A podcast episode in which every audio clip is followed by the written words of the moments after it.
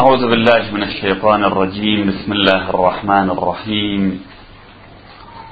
الحمد لله رب العالمين والصلاة والسلام على خير خلقه أجمعين. محمد.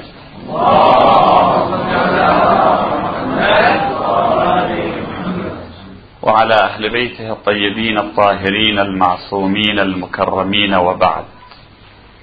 قال الله العظيم في كتابه الكريم لقد من الله على المؤمنين إذ بعث فيهم رسولا من أنفسهم يتلو عليهم آياته ويزكيهم ويعلمهم الكتاب والحكمة. آمنا بالله صدق الله العلي العظيم. هل القرآن بحاجة إلى الأحاديث والروايات هل لا بد من الرجوع إلى النبي وأهل بيته الكرام لفهم القرآن؟ أم حسبنا كتاب الله؟ لا شك أن القرآن نور. أنت بالنور ترى الأشياء. أما النور فلا يحتاج إلى شيء لكي تراه به. أنت بالعقل تفهم الأشياء أما معرفة العقل فليست بحاجة إلى شيء آخر لكي تصل إليها. هل معنى ذلك أننا مع القرآن لا نحتاج إلى شيء؟ قد يتصور البعض أننا مع القرآن لسنا بحاجة إلى شيء. قبل الإجابة على هذا التساؤل هل نحتاج أو لا نحتاج لا بد من توضيح أمرين. الأمر الأول أن القرآن لا يحتاج إلى شيء إنما نحن الذين نحتاج في فهم القرآن إلى مساعدة الآيات والروايات والأحاديث وعمل النبي وعمل أهل بيته. فليس صحيحا أن نسأل هل يحتاج القرآن إلى كذا أم كذا. لا القرآن غني. لكن القرآن كتاب ثقيل. كتاب رفيع كتاب عظيم. في الفهم لآياته نحتاج إلى من يساعدنا من يرفع مستوانا. ثانيا القرآن نور ولكن حتى النور لكي تستفيد به وترى به لابد أن تعرف كيف توجه النور. أنت تحتاج إلى من يشعل لك النور. العقل تكشف به الأشياء لكن إن لم يكن هنالك من يثير لك عقلك فإن عقلك يكون معك ولكنه لا ينفعك. العلم نور كما في الأحاديث. العلم نور يقذفه الله في قلب من يشاء. ولكن كم من عالم قتله جهله ومعه علمه لا ينفعه. هذا العلم موجود لكن ماذا يستفيد من عنده؟ العقل موجود ماذا يتعقل به؟ القرآن موجود وهو نور ولكننا نحتاج لكي نبصر به الأشياء ونفهم به الأشياء أن نستعين بالنبي صلى الله عليه وآله وسلم وبأهل بيته حتى نعرف كيف نستفيد من الوحي كيف نرى بالوحي كيف نجعل القرآن نورا في أبصارنا وبصيرة في قلوبنا. هذا النور كيف نشعله في ذواتنا. بالقرآن نرى الحقيقة لكن كيف؟ وإذا أشكل علينا القرآن فإلى من نرجع؟ نحن لا نشك أننا نحتاج إلى أمرين في فهم القرآن. الأول أننا نحتاج إلى من يساعدنا في تبيين الآيات. ونحتاج أيضا إلى التفكير. عاملان أن نفكر وأن نستعين بالذين نزل القرآن في بيوتهم بالنبي وأهل البيت سلام الله عليهم. الأدلة التي عندنا في ضرورة الرجوع إلى الروايات لفهم القرآن كثيرة نقتصر بما يلي. أولا أن القرآن الكريم يقول وأنزلنا إليك الذكر لتبين للناس لتبين للناس. لا لكي يتبين للناس. الناس بحاجة إلى من يبين لهم. القرآن كلام عربي بلسان عربي مبين. والعرب يعرفون معاني المفردات فهل هم بحاجة إلى رسول الله لكي يبين لهم نعم ضرورة النبي كضرورة الوحي في هداية الناس. كل الرسالات السماوية كانت تأتي مع نبي يبينها يبين تلك الرسالة للناس لتبين للناس ما نزل إليهم ولعلهم يتفكرون. تبين يتفكرون. بحاجة إلى هذين الأمرين. النور يكشف لك الأشياء لكن أنت تحتاج إلى من يقول لك انظر هنا مكتبة فتنظر فترى المكتبة وجود النور لم يكشف لك المكتبة إلا حينما وجد من يشير إليك وينبهك ويشير ويدفعك ويوجهك إلى أن تنظر إلى المكتبة فتراها. هذا الكون كله آية من آيات الله. الشمس القمر الأرض الإنسان البحار. لكن الإنسان بحاجة إلى من يقول له هذه الشمس ألا تراها؟ كتلة ملتهبة منذ ألوف ملايين السنوات. من خلقها؟ أن تتوجه تحتاج إلى من يوجهك وتحتاج إلى أن تفكر. ولذلك كان لله عز وجل حجتان. حجة ظاهرة هم الأنبياء وحجة باطنة وهي العقول. الذين يتفكرون في خلق السماوات والأرض ربنا ما خلقت هذا باطلا. الشمس كانت موجودة. هي آية من آيات الله. ولكن الإنسان كان يحتاج إلى هذين الأمرين. من يقول له انظر إلى الشمس من خلقها وإلى أن يتفكر في داخل نفسه أيضا. يقول ربنا هو الذي بعث في الأميين رسولا منهم يتلو عليهم آياته ويزكيهم ويعلمهم الكتاب والحكمة. الناس بحاجة إلى من يعلمهم الكتاب أما حسبنا كتاب الله حسبنا كتاب الله فهذا يلغي الأنبياء وليس الأوصياء وحدهم. معنى لا حاجة إلى نبي. كان يمكن أن الله عز وجل ينزل كتبه على الناس في بيوتهم. أوراق مطبوعة في السماوات تنزل إلى الناس فيقرؤونها. لما كان الناس بحاجة إلى الأنبياء؟ وما هو دور الأنبياء؟ النبي ليس مجرد ساعي بريد يستلم الوحي من الله ثم يعطيه للناس. دور النبي أكبر من هذا. ونحتاج إليه لكي نعرف الآيات. هو الذي بعث في الأميين رسولا منهم يتلو عليهم آياته ويزكيهم ويعلمهم الكتاب والحكمة. كلمة يعلمهم الكتاب والحكمة تكررت هذه الجملة في القرآن الكريم عدة مرات لكي لا يأتي من يقول لا حاجة لنا إلى الروايات. نحن نتدبر في الآيات ونفهمها. قد تتدبر في الآية ولكن الآية بدل أن تهديك تضلك لأنك تخطئ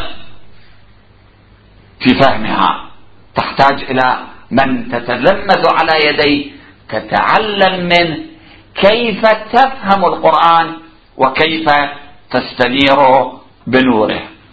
ربنا وابعث فيهم رسولا يتلو عليهم آياتك ويعلمهم الكتاب والحكمة. دعاء النبي عيسى بن مريم. يعلمهم الكتاب. هذا أولا. إذا القرآن هو يصرح أن الناس وليس القرآن بحاجة إلى من يعلمهم يرشدهم ينير لهم الطريق يعلم كيف تستفيد من الآية كيف تتعلم من الآية كيف تستخدم نور الآية في رؤية الأشياء ورؤية الحقائق. ثانيا القرآن حمال ذو وجوه.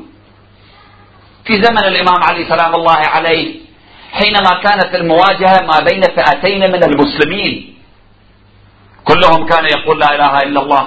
كلهم كان يؤمن برسول الله. كلهم كان يصلي. حينما كانوا يحتجون على الخوارج بآيات القرآن أولئك كانوا يحتجون بآيات أخرى. فقال, فقال الإمام علي لأصحابه لا تحاجوهم بالقرآن. فإن القرآن حمال ذو وجوه. نقول ويقولون. يعني إحنا نذكر آيات؟ هم يذكرون؟ آيات أخرى لكن حاجوهم بالسنة. القرآن كتاب مركز وأستميع القرآن عذرا. إذا أعبر هذه التعابير الضيقة الضعيفة بالنسبة للقرآن العظيم.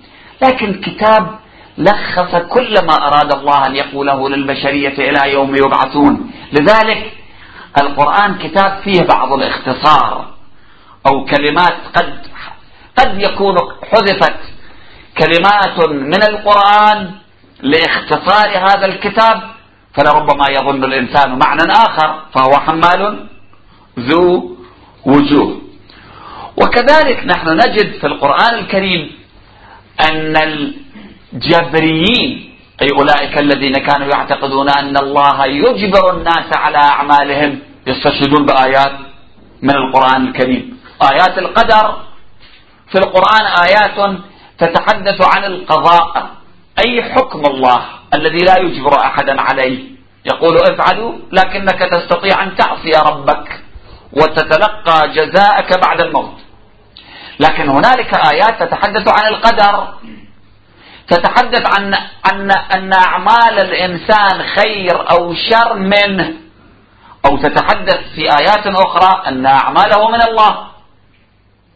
لربما أن الجبريين يستشهدون بآيات القدر على مذهبهم لإثبات أن الإنسان كائن مجبر. إذا لا بد من وجود مرجعيات. الإسلام دين كامل. هذا الكتاب يمكن أن يتحمل معاني مختلفة في بعض الآيات. يستشهد أناس بآيات القرآن الكريم في معنيين متناقضين. من المرجع؟ إذا لم يوجد المرجع فمعنى ذلك أن الإسلام ناقص. لا بد في كل رسالة بل في كل مذهب حتى لو كان بشري من تعيين مرجع ومرجعيات. وتعيين المرجع والمرجعيات إنما هو بالرجوع إلى رسول الله صلى الله عليه وآله وسلم والرجوع إلى أهل بيته الكرام. هؤلاء المرجع إذا اختلفت الأمة. في آيات القرآن إذا اختلفوا. أما الجميع قالوا هذا كتاب الله وهو كتابنا. بل إن بعضهم رفع المصاحف على الرماح في مقابل أمير المؤمنين سلام الله عليه. ما قالوا لا نقبل القرآن بالعكس. قالوا تعال نحتكم. إلى القرآن. لكنهم كانوا قد ضيعوا المرجع إذا اختلفت طائفتان من المؤمنين بالقرآن في القرآن أو في تطبيق أحكامه. ثالثا في القرآن ناسخ ومنسوخ. هنالك آيات نزلت في مقطع من الزمان محدد كان على المسلمين أن يعملوا بها ثم نسخت. من يعين لك الناسخ من المنسوخ؟ ونحن في كثير من الآيات لا نجد دليل في الآية على أنها نسخت آية قبلها. مثلا في بدايات نزول القرآن كان التوارث ما بين الإخوة في الإيمان. يعني إذا مات مؤمن وأقرباؤه كفرة لا يرثون منه. كان الذي يرث هو المؤمن من المؤمن. لا ذوي الأرحام. ثم نزلت آية وأولي الأرحام بعضهم أولى بعض في كتاب الله. هذه الآية نسخت ذلك الحكم. من يقول لك أن هذه الآية نسخت ذلك الحكم؟ أو نزلت يا أيها الذين آمنوا قدموا بين يدي نجواكم صدقة. ثم نسخت هذه الآية أشفقتم أن تقدموا بين يدي نجواكم صدقة. هذا مبين. هاي الآية نسخت تلك الآية. لكن في آيات لا يتبين منها أنها نسخت آيات قبلها. من يقول لنا الآية الناسخة ماذا والآية المنسوخة ماذا؟ لا بد من وجود مرجع في هذا الأمر.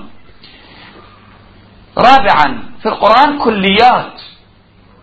لا بد من معرفة خصوصياتها جزئياتها. مثلا أقيموا الصلاة. كيف نقيم الصلاة؟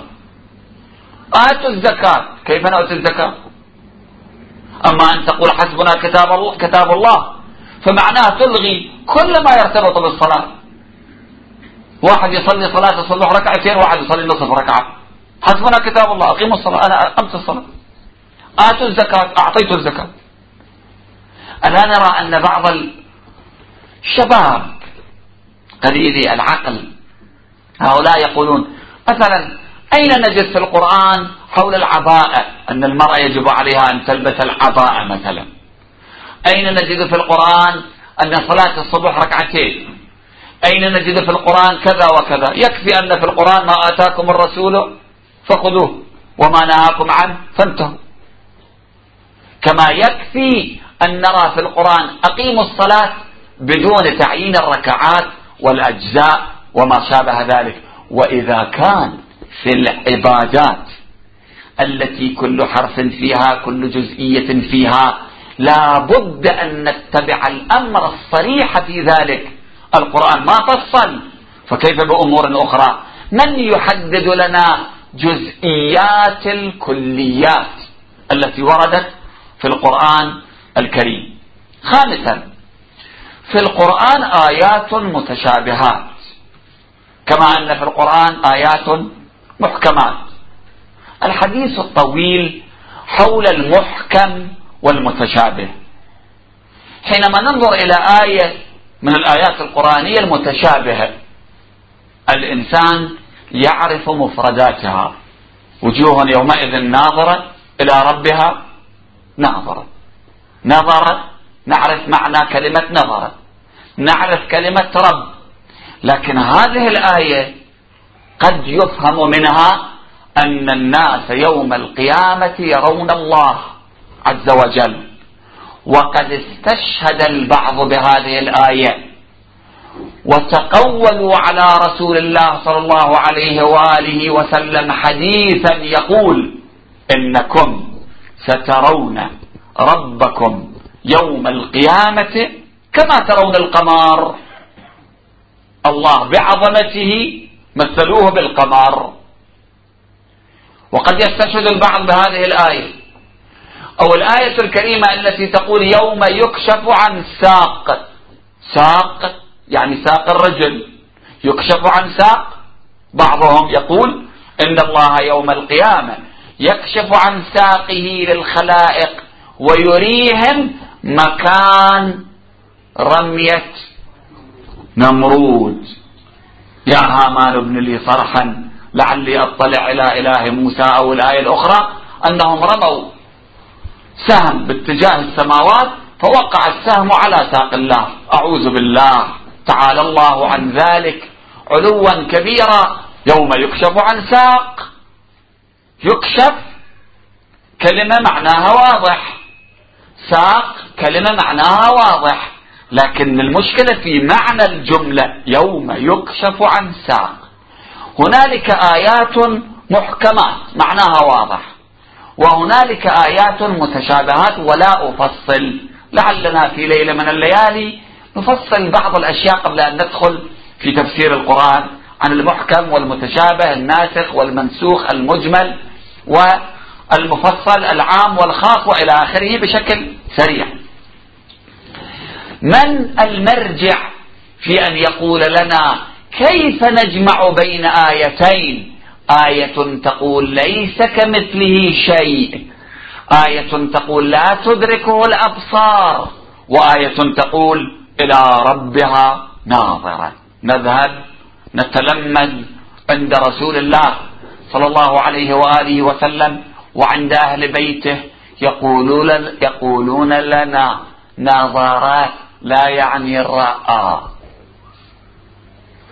رأى غير نظرة أنت تنظر. يقول أنا دا أنظر للمستقبل. عند تشوف المستقبل؟ يعني تتوقع. يعني تنتظر. إلى ربها ناظرة. تنتظر أمر الله. يوم يكشف عن ساق. نذهب إلى الإمام. يا ابن رسول الله ما معنى يكشف عن ساق؟ يقول ألا تقول أن الحرب كانت قائمة على قدم وساق؟ يعني الحرب عندها ساق؟ لا. يعني كانت الحرب قائمة. شوف الآية توضحت تماما. خلاص المشكلة راحت. من يستطيع أن يعلمك كل هذا إذا كان أمامك رجل؟ يقول يوم يكشف عن ساق. يكشف يعني واحد يرفع رجله. كأن ساق الله عز وجل تعالى الله عن ذلك. ناقل الكفر ليس بكافر. كأن ساق الله كانت مستورة بثوبه ثم كشف عن ساقه. وفي حديث موجود في الصحاح مع الأسف. هذا الحديث. يوم نقول لجهنم هل امتلأت وتقول هل من مزيد؟ وتقول هل من مزيد؟ هل من مزيد؟ حتى يضع الله فيها رجله وفي بعض الروايات قدمه رواية متفق عليها عندهم. متفق عليها. قدم ساق قمر هذا هو الله. الله الذي عجزت العقول من أن تتوهمه. من وصفه فقد عده ومن عده فقد حده ومن حده فقد أشرك به.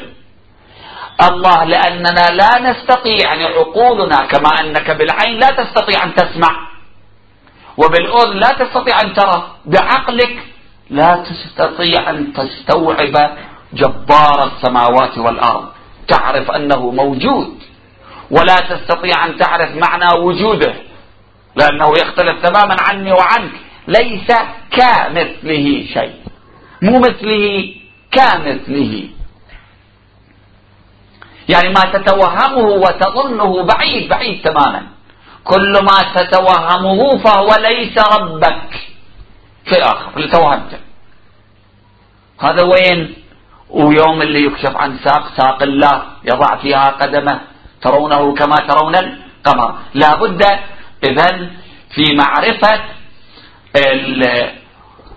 المحكم والمتشابه من وجود مرجع يعلمنا هذا الأمر. طبعا نعود ونؤكد أنه إذا قلنا أن آيات القرآن 660 أكثر أو أقل من الآيات لكن مجموع الآيات المتشابهات في حدود 200 في حدود 300 في حدود 400 وليس أكثر من ذلك. لكن حتى في هذه الآيات هذه الآيات أيضا نحتاج إلى مرجع لكي نفهم ما يجري وما يقصد بهذه الآيات. وإلا قد يكون الإنسان يعبد ربا خلقه هو وليس ربا خلقه الله. يعني مو الرب اللي هو الله وإنما الرب اللي هو صانعه مثل ما كانوا يصنعون من التمر أصنام ثم يعبدونها وإذا جاعوا أكلوها يتصور رب يعبده وبعد مدة يغيره. بمرور الزمن يبدل ويغير في هذا الرب الذي خلقه في ذاكرته في ذهنه خامسا في القرآن ظواهر حتما بحاجة إلى تأويل. بدون تأويل تلك الظواهر نحن نكون في ضلالة مثل ما ذكرنا بعض الآيات وفي أشياء أخرى ألفاظ لها معاني مشتركة. كيف تستطيع أن تحدد هذا المعنى دون ذلك المعنى؟ فلا بد من الرجوع إلى النبي وأهل البيت. سادسا في القرآن أسباب نزول أسباب النزول لا تحدد الآية لكن توضح لك بلا شك ولا شبهة. من يعرف أسباب النزول؟ خاصة أنه حدث التلاعب في الروايات. كثير. حتى أنهم نسبوا أسباب نزول بعض الآيات إلى من لا يمكن أن ينسب إليه. قالوا في الآية الشريفة يا أيها الذين آمنوا لا تقربوا الصلاة وأنتم سكارى. قالوا إن عليا شرب الخمر فوقف للصلاة. وقال يا أيها الكافرون إني أعبد ما تعبدون. فنزلت الآية يا أيها الذين آمنوا لا تقربوا الصلاة وأنتم سكارى. غريب. الإمام علي هو الوحيد من أولئك الصحابة الذي لم يسجد لصنم قط. ولذلك هم يقولون عنه كرم الله وجهه. لما؟ لأنه لم يسجد لصنم. لو كانت له سابقة السجود لصنم نقول في حالة السكر نسي وقال إني أعبد ما تعبدون. أما هم الذين تكسرت جباههم من السجود للأصنام صارت هذه الآية نازلة في حق علي وفي حقه أسباب النزول صار في تلاعب. فلا بد من أن يكون هنالك مرجع يبين لنا أسباب النزول. سابعا كل كتاب مهم له متخصصون. حتى لو كان كتاب أدبي مسرحيات شكسبير ولا مناقشة في الأمثال. هذه المسرحيات فيها عشرات من الذين يتخرجون من الجامعات تخصصهم في كلام شكسبير وكلام شكسبير مجرد مسرحيات. مسرحيات أدبية. لا ترتبط بسنن الله عز وجل لا بمصير الإنسان لا بالحلال والحرام لا بواجبات الإنسان لا بالحضارة ولا هم يحزنون مع ذلك هنالك متخصصون في هذه المسرحيات. أفلا نحتاج نحن إلى متخصصين في القرآن؟ أولئك الذين نزل الوحي في بيوتهم نرجع إليهم كلما أشكل علينا. يقول ربنا ولو ردوه إلى الرسول وإلى أولي الأمر منهم لعلمه الذين يستنبطونه منهم. ولولا فضل الله عليكم ورحمته لاتبعتم الشيطان إلا قليلا. في هذه الآية ملاحظة جميلة. مرتين رب العالمين يكرر منهم. ولو ردوه إلى الرسول وإلى أولي الأمر منهم لعلمه الذين يستنبطونه منهم. لكي يقول لنا الله عز وجل من تكرار كلمة منهم أنه ليس كل مستنبط مطلوب. مو كل واحد بقال عطار. ما عنده تخصص في القرآن. لا يستطيع أن يفهم أبعاد القرآن. أو بعبارة أخرى بطون القرآن تخوم القرآن نجوم القرآن. لا يستطيع أن يفهم معاريض القرآن. القرآن فيه آيات تفهمها بالطول في معاريض يعني أبعادها. إلى أين تمتد هذه الآية الكريمة؟ مثلا ولو ردوه إلى الرسول وإلى أولي الأمر منهم لعلمه الذين يستنبطونه منهم. مو كل بقال وعطار. وثامنا هنالك آيات وروايات أمرتنا بالرجوع إلى النبي وأهل بيته. إحنا مو في حالة اختيار. يعجبني أرجع إلى هذا الإمام؟ أو أرجع إلى شخص آخر. لا. آيات وروايات. من الآيات؟ ربنا يقول فاسألوا أهل الذكر إن كنتم لا تعلمون. حينما ترجع إلى كثير من التفاسير ترى أنهم فسروا هذه الآية أي ارجعوا إلى علماء اليهود والنصارى. فاسألوا أهل الذكر إن كنتم لا تعلمون. يعني اسألوا العلماء من اليهود والنصارى. شوف الإمام الصادق عليه السلام ما الذي يقول؟ يقول واحد قال للإمام سأل رجل الإمام الصادق قال إن من عندنا يقولون في قوله تعالى هذا. يعني فاسألوا أهل الذكر إن كنتم لا تعلمون. إن الذكر هو التوراة وأهل الذكر هم علماء اليهود. فقال الإمام زيد إذا حضرتك رحت عند واحد من علماء اليهود قلت له أريد أسألك يا دين حق؟ يقول لك الإسلام حق. ولا يقول لك اليهودية؟ من أتبع؟ يقول اتبعني. قال الإمام إذا والله يدعوننا إلى دينهم. إذا كان علينا بصريح القرآن أن نسأل علماء التوراة. فإذا إلى متى يدعوننا علماء التوراة؟ يدعوننا إلى دينهم. ثم قال الإمام بل نحن أهل الذكر الذين أمر الله برد المسألة إلينا. ولقد صرح القرآن الكريم بأنه بدون المراجعة إلى النبي وأهل بيته سنكون حيارى تائهين. يقول القرآن الكريم ذلك بأنهم كذبوا بآياتنا وكانوا عنها غافلين. بعد أن يقول وإن يروا سبيل الرشد لا يتخذوه سبيلا وإن يروا سبيل الغي يتخذوه سبيلا. آيات الله هنا ماذا تعني؟ إذا رجعنا إلى القرآن نفسه نجد أن القرآن يقول وجعلنا ابن مريم وأمه آية. إذا رجعنا إلى آيات الله إلى أهل الذكر في تلك الآية المباركة. إذا لا نكون تائهين وإلا سنكون حيارى تائهين. نتخذ سبيل الغي. قل هل ننبئكم بالأخسرين أعمالا الذين ضل سعيهم في الحياة الدنيا وهم يحسبون أنهم يحسنون صنعا. النيات الحسنة لا تنفع أن هذا يريد الذهاب إلى الجنة. لكن مشى في طريق غلط.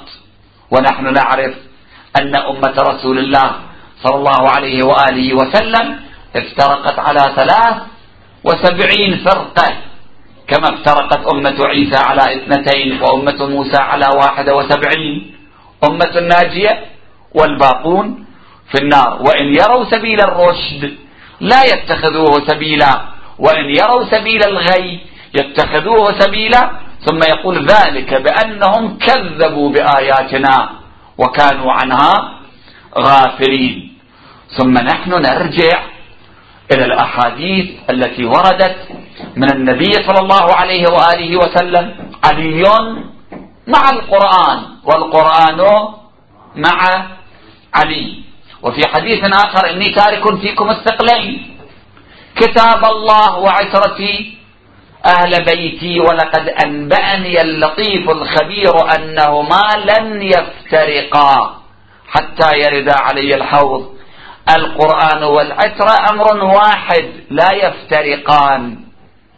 إلى أن يرد على رسول الله صلى الله عليه وآله وسلم.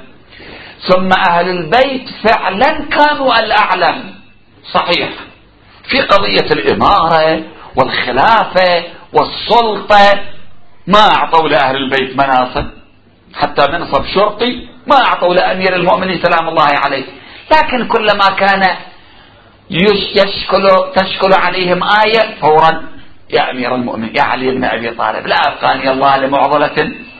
فالسلام يا أبا الحسن لولا علي لهلك عمر وإلى آخره أهل البيت كانوا يقولون نحن أعلم بكتاب الله والصحابة كانوا يرجعون إليهم في كتاب الله ويصدقون ذلك منهم.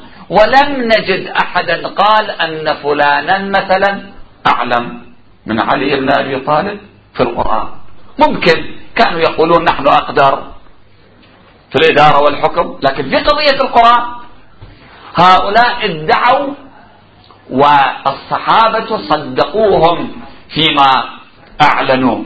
يقول أبو عبد الله الصادق عليه السلام نحن حجة الله وأمناؤه على خلقه حلالنا من كتاب الله وحرامنا منه. ويقول الإمام علي سلام الله عليه سلوني قبل أن تفقدوني فما أحد أعرف بما في اللوحين مني. فما أحد أعلم بما في اللوحين وليس فقط في كتاب الله. ويقول أنا القرآن الناطق ويقول والله ما نزلت آية إلا وقد علمت فيما أنزلت وأين نزلت. إن ربي شوف الإمام يبين ليش. إن ربي وهب لي قلبا عقولا ولسانا سؤولا. الله أعطاني قلب تعقل استوعب. وأعطاني لسان أسأل. كان يسأل وكان رسول الله صلى الله عليه وآله وسلم يعلمه من دون سؤال. علمني رسول الله ألف باب. وفي رواية أخرى ألف ألف باب. يفتح لي من كل باب ألف باب. يعني مليون باب علم. إذا الله أعطاه قلبا عقولا ولسانا سؤولا. وكان رسول الله يتعاهده في تعليمه أبواب العلم. وعن عبد الله بن مسعود قال إن القرآن أنزل على سبعة أحرف سبعة أحرف سبعة تخوم سبعة نجوم سبعة معاني سبعة بطون. ما منها حرف إلا له ظهر وبطن ثم قال إن عليا عنده منه علم الظاهر والباطن. وقال ابن عباس علي علم علما علمه رسول الله علمه الله. فعلم النبي من فعلم علي من علم النبي وعلم النبي من الله وعلمي من علم علي. ثم قال ابن عباس طبعا مرجع عند المسلمين جميعا يستندون إلى أحاديثه في تفسير الآيات القرآنية الكريمة. ابن عباس يقول وما علمي وعلم أصحاب محمد.